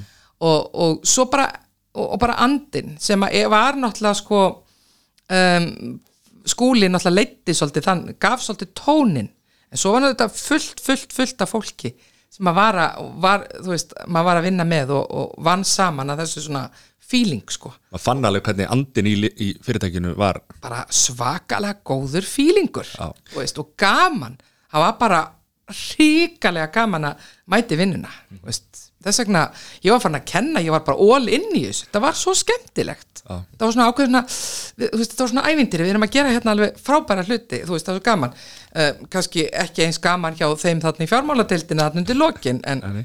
töff en, en við náttúrulega kannski það var öðruvísum borð maður var auðvitað ekki að pæli því um, eh, þú veist, þegar maður var eh, um borð, sko Mhm. fyrir náttúrulega bara þetta fór og við vissum ekki alveg hvort það myndi komast heim eða já, ekki já. Mm.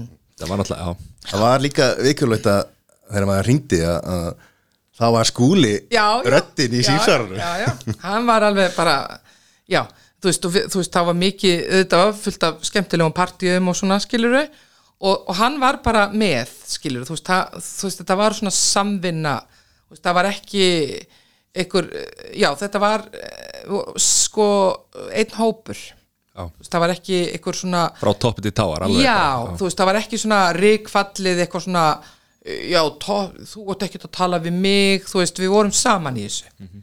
það var líkillin já, Já, og síndi sig í lokin hvernig starfsmenn þjöppuðu sér saman Já. uh, þegar tímarnir Já. hérna, fóru að harna og, Já. og ég, ég sé ekkert hérna, fiskvislun á höfn starfsmenn að þar eh, fylgja sér svona já, er það samt ekki sko uh, dæmi um góða vinnustæði þegar það er mj- mjög, svona, það er sterkur hópur og svona samheldni? Ég er ekki til í að henda fiskvinnslu í Nei, höfni þetta var, var sko, engin áfættistómar á fiskvislun á ég höfn af því ég held að það sé nú ekki til sko, ég var nú búið það til. Já, Þetta bara ég held að það sé mjög góð stemminga í Já, alveg 100% en, hérna, en þú veist, það fer bara eftir vinnustöðum. En það þarf samt að vera einhver svona um, grunnhugmynd um, veist, um þetta, þessa samhældni við er, erum saman í, í, að, við, erum, við erum hérna að vinna að sama markmiði og það sko skiptir svo sem ekki málið, það er þessi endurskoðandaskrifstofa og við erum bara saman og við ætlum bara að hafa rosalega gaman skilur við og, og bara hvar sem við erum hvar sem við erum að vinna það er þetta að þú veist þessi, þessi að finna þennan góða starfsanda þess vegna er svo mikilvægt í þessu að starfsandi sé góður sem svo flugfröður eru ekki að vinna þú ert aldrei að, ekki ofta að vinna með sömu Nei, sama fólkinu. Það var náttúrulega fyrst. Já, Bæð, Svo, þess vegna var svo góður andi líka hjá, eins og hjá Express, við vorum aldrei fleiri en 150 Já. Þegar- 2011 vorum við 150 svo vorum við í 80 2012 þá minguðu það aðeins sko.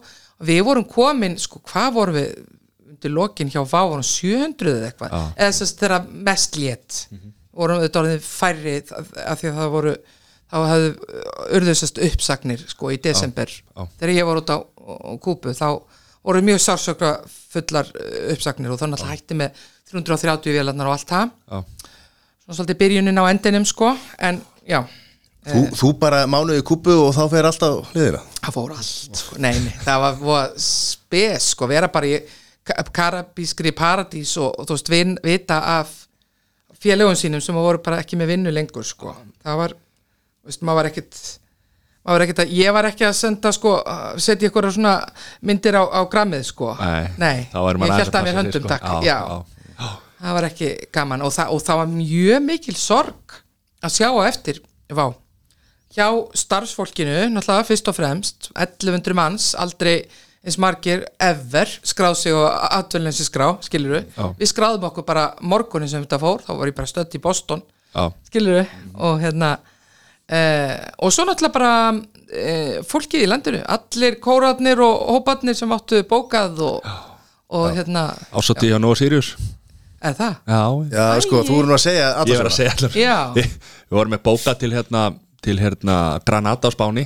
Ok, með Primera Air já, svo fór það á hausinn já, þannig að það var að fara að fullt og finna út úr því að hérna, Já. svo var Lyon Fraklandi já, með Váer ok svo fór það á hausinn þannig að við vorum bara síðustu helgi bara í Grímsborgum í Grímsnesi og, og það var bara rosa gaman sko. miklu betra að vera þar heldur en Já. í Fraklandi Já. Íslands- Já. Líón alveg ofsalega falleg borg Já, sko. já. þetta var svolítið svona Æi En það er alltaf Já, næsta ári, sko. Já, já, það er, það er nú málið Já, ég, maður gerir bara gott úr þessu og ég náttúrulega er svo sem alveg sammála án þess að sko vita nákvæmlega hvernig, hvernig það hefði verið gert en þú veist þessi er Berlín leið Já, var kannski fyrir svolítið vombriðum að, að það hefði ekki komið, að stjórnvald hefði ekki komið inn og svona mýkt þetta fall já, sko fyrir, fyrst og fremst fyrir samfélagið. Já, fyrir ferðaiðnaðin uh, þú veist allt, þú veist uh, og bara, uh, og náttúrulega starfsfólkið og eitthvað svona sko. Já, mér finnst það alveg svona ég skil það ekki alveg fá mál sem að þjóðin hefur verið jafn virk í og, og allir hafa skoðun og svona, Já. það voru allir í sama, það voru allir með váf, allir íslendingar. Já, en það var samt, já, en það, maður fann alveg það voru einhverjir það, var alveg, það voru alveg öll sem að, sem að voru ekki e, með vá það, þú veist, maður fann líka fyrir því sko. Já, en- ekki persónulega, alls ekki sko, en, en það var eitthvað var einhver, einhver öll líka En- sem að voru ekki Já, mér fannst samt almenningur almennt standa með ykkur, sko. það Algjörlega, vildi engin, vildi, þetta er bara eins og gott partí, sko, þú vilt ekki þetta partíð hætti, sko. Nei og líka bara, nei það er náttúrulega bara samkeppnin og, og, og hérna og þetta gerði mjög mikið fyrir almenning í landinu sko að hérna að, að geta farið sko til London eða Lyon eða eitthvað, þú veist, fyrir 20 skall sko.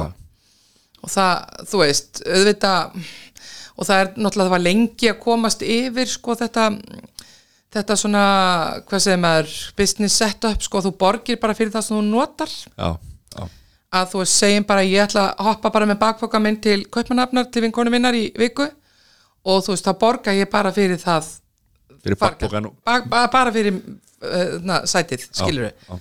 en svo ef ég ætla að fara uh, með töskur og, það- töskur til töskur, sko. já, eða eitthvað, þá bara borga ég fyrir það Já. sko, það var uh, svona það var business setupið sko, og ég meina Mhm. það er náttúrulega búið að vera til lengi þannig, hjá lágjaldafélögum en þú veist, af því það hefði þetta bara verið eitt félag um, svo lengi að þá bara, nei, hvað og þú veist, þá var þetta svo mikið að koma fólki óvart. Já. uh, hvað þarf ég að borga fyrir tösku þú veist, að, að, en ég held nú að það hafi verið að svona koma yfir þú veist, að allir farnir að vita hvað það var Já. sko, Við Íslendingar náttúrulega sko margir af þeim aldrei mun eftir því að fara til Mallorca bara og Las Palmas og, já. og hérna og véli býður í viku meðan, meðan allir eru í, í ferðinni. Var það ekki, það er ekki svo langt síðan kannski bara 8, 10, 90 það er fáránlega dýrt sko. Þú veist að vera með svona heila vél. Þú veist til það gangi upp þá þarf náttúrulega þú veist þá þarf að allavega uh, nýta vélina tvöfalt sko. Þú veist þannig að hún geti farið í morgunflug og, og svo setnipart sko og það var nú það sem að gerðist auðvitað þegar, hættu með 330 vélarnar sko. Og, og náttúrulega búið að koma fram í blöðum að það hafi ekki verið hagstætt sko þetta með þessar stóru vélar sem að einmitt byðu í, í já, stundum sem sagt í, í, hérna. sólarhingað eitthvað sem að já, eða, já, sest, þessa leng, þessi lengri flug sko. Já. Indland, uh, LA, San Francisco Miami og svona þannig að það voru náttúrulega ákveðið mistök sem að voru gerð og allt það en þú veist um, það hefði þetta ekki fyrir mig sem flugfrey og kennara þú veist, þá var það mjög mikill metnaður í sambandi við bara, mm, náttúrulega fyrst og fremst flugöryggið og allt það og svo þú veist, þjónustuna og bara svona þjónustu lundina það var mjög mikilvægt, það var bara svona breiðasta brosið og, og, og, og það var já, sko. Já, gaman í vinnunni þá líður tími líka hraðar já, En þú búið svo lengi í þessu, segðu okkur hver var galdurinn að eiga við erfiðu erfiðu kúnana? Kill them with kindness. Það er bara svo leið Já, það er nú, það er nú líka, þú veist, það er bara svona almennt í þessum bransa. Sko, númer eitt þá er, um, sko, það, maður þarf að gera sér grein fyrir, um, þú veist, ef þú ert flugfreyja og, eða í ferðabransanum bara, almennt, að þegar fólk er að fara út úr sínum þægindarama þegar það er að ferðast. Það er ekki að fara að sofa heima hjá sér, það er í nýju umhverfi, það er stressað. Veist, maður bara gera sér grein fyrir því það er stressað.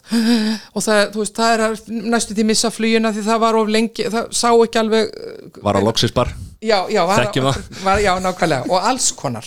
Og það er bara out of comfort zone, það er út úr þæ, sínum þægindarama þannig að maður þarf að, að, hérna, að vita það og, og, og, og, og númer eitt og það er nú bara í samband við þjónustu almennt, það er bara að hlusta. Já, þú veist, people wanna be heard veist, og validera þú veist, að, að hérna, já, ég skil. Þú veist, þú, þú, þetta, þetta kom fyrir og þetta og þetta og þetta og þú verður að geta hlustað og alvöru hlustað. Þú veist, ekki bara, því miður, það gengur ekki þú veist, ekki bara eitthvað computer says no. Því miður, þú veist. En svo er maður náttúrulega bara með hvort sem maður er að tekka inn eða á færðarskristu eða, eða um borð og sérstaklega um borð náttúrulega, ég er með mestar einsla því ég líka reyndar á jörðu niðri en, en hérna að, e, og síðan koma þessi mörg, sko, þú ert búin að hlusta þú ert búin að, ok, og ég sagði bara ég skil þig og, og hlusta og alvöru hlusta og síðan ok, hvað get ég gert núna hér og nú til að þér líði betur, til að við við getum farið af stað og allir séu ánæður og, og hérna og gætum fylsta öryggis og þér líði vel hvað getum við gert hér og nú sko. og þá svona já, en, og þá verður stundum já, ég vil bara þetta og það er ekki hægt hvað get ég gert núna og þá oft er það bara að hafa hlustað og þú veist og, og, og, og þú veist að rey- reyna að leysa vandamálið sko. Og svo, svo líka þú veist, svo er þessi samvinna þú veist, eh, svo sko einhver sem að ég get tala við en ekki þú Já. eða öfugt mm. þannig að eh, svona finna út maður, maður er með næmitakkan hann er on Já. hjá okkur og það er líka partur af fluguraukinu að, sk- að skilja hvernig sko hvernig eðna, fólk er að koma um. Les, lesa, lesa, lesa hérna. Og það er auðvitað sem að maður hefur æfingu í sko, sem skemmtikraftur að lesa salin. Mhm. lesa kabinuna, lesa hópin sem að maður er að vinna með eða, já, Hvað hvað má maður drekka marga bjóra í, í hérna, flugi? Þú, þú sko, þú drekkur alltaf alltaf marga Nei, ég er að tala um fyrir því sko. Við höfum í svolítið öllum, saman sko. og í öllum flugfélögum þá, þá mátt ekki drekka þetta eigið áfengi Nei. og það er auðvitað bara uh, líka til að mónitora skilur Drykkjuna, já, Þetta akkur, fær sæður alltaf að drekka mikið sko, það er- nú er hann að fífla, sko. Já, ég, ég, hérna, það er náttúrulega bara eh, sko, svo þú valdir sjálfum þér og öðrum ekki skada já. þú veist, það er bara þannig og það, það er, sko, flug öryggi gengur auðvitað út af það að þú veist, flugstjórin og náttúrulega krúið ber ábyrð á sko uh, öryggi fólksins. Farþega. já, fólksins og vélarinnar sko, þú veist, þannig að þú ert farin að skaða, þetta er í ákveðnum stigum þú veist, ekki láta mig fara að halda fyrir lestum ég, ég er með alltaf miklar upplýsingar um þetta. En við erum líka bara við, við, Já. Já, en ég ætla bara uh, rétt aðeins og líka ekki trubla hinna, þú veist. Þú ert, sko, segjum bara að það eru fullt af börnum sem eru sofandi og þú ert eitthvað þá er ég bara, fyrir að heyrðu, Hefur þið verið með mér í flugi eða? já, já, ég, man ég þurfti að segja, já, nei. Já, ég ætla að segja að og ekki að ég sé að uh, verja drikkina en þetta eru líka aðstæður sem að mjög margir sko erfitt að fara í Já. það er, það er flugræsla, Já. Það er loftræsla það er hérna innilókunarkend Já, já. það er hérna svona að vera svona lengi þétt í, í einhverjum svona hóp eða svona Já. mannmerð sitja, þú veist, eh, kannski einhvern sem stærri mannesku og þú ert Já, veginn í kremju finnst, finnst þið svona, Já. svona verið svolítið að fara inn á þitt persónlega space já, og, og, og náttúrulega, nú veit ég ekki hvernig er dag en það var náttúrulega margir notuðu náttúrulega, eh, kannski, þú veist, áfengi til þess að, að reyna að, að díla við það og, og svo fór Akkurat. það úr böndunum sko, Já. en ymmit þetta það er gríðarlega erfitt starf og, og svona að vera flugliði mm. -hmm. ymmit að þú ert að eiga við fólk sem er oft í aðstæðum sem að það vill Mhm. ekki vera, nema vill náttúrulega fara erlendis, en ok, óþægilegum aðstöðum kannski erfitt hjá sumum Mhm. og þess vegna hefur, veit ég að það hefur verið svona flug, flughræðslu námskeið, já, einmitt. Hef, hef ég heyrt það sko. Þannig að hérna já, þetta er, er krefend þar Já, þú ert að vera góðu mannþekkjari. Og það er náttúrulega á, ákveðnar að- aðferðir sko, þú veist að, að þekkja þekkja típurnar sem komum borð og, og mér finnst þetta svo skemmtilegt. Það er ævintýra manneskjan í mér að það er að vera innan um bara uh, hvað segir maður? Uh, allar tegundir sko, allra þjóðakvíkindi eins og maður kallar það. Alls konar fólk all, sem kemur frá hinnum ymsu löndum, alls konar aðstæðum og þá þarf maður að finna þetta samanlega skilur, eins og ég var að tala um. Að hlusta, þú veist, sem eru bara tilfinningarnar og allt þetta sem þú varst að lýsa sko.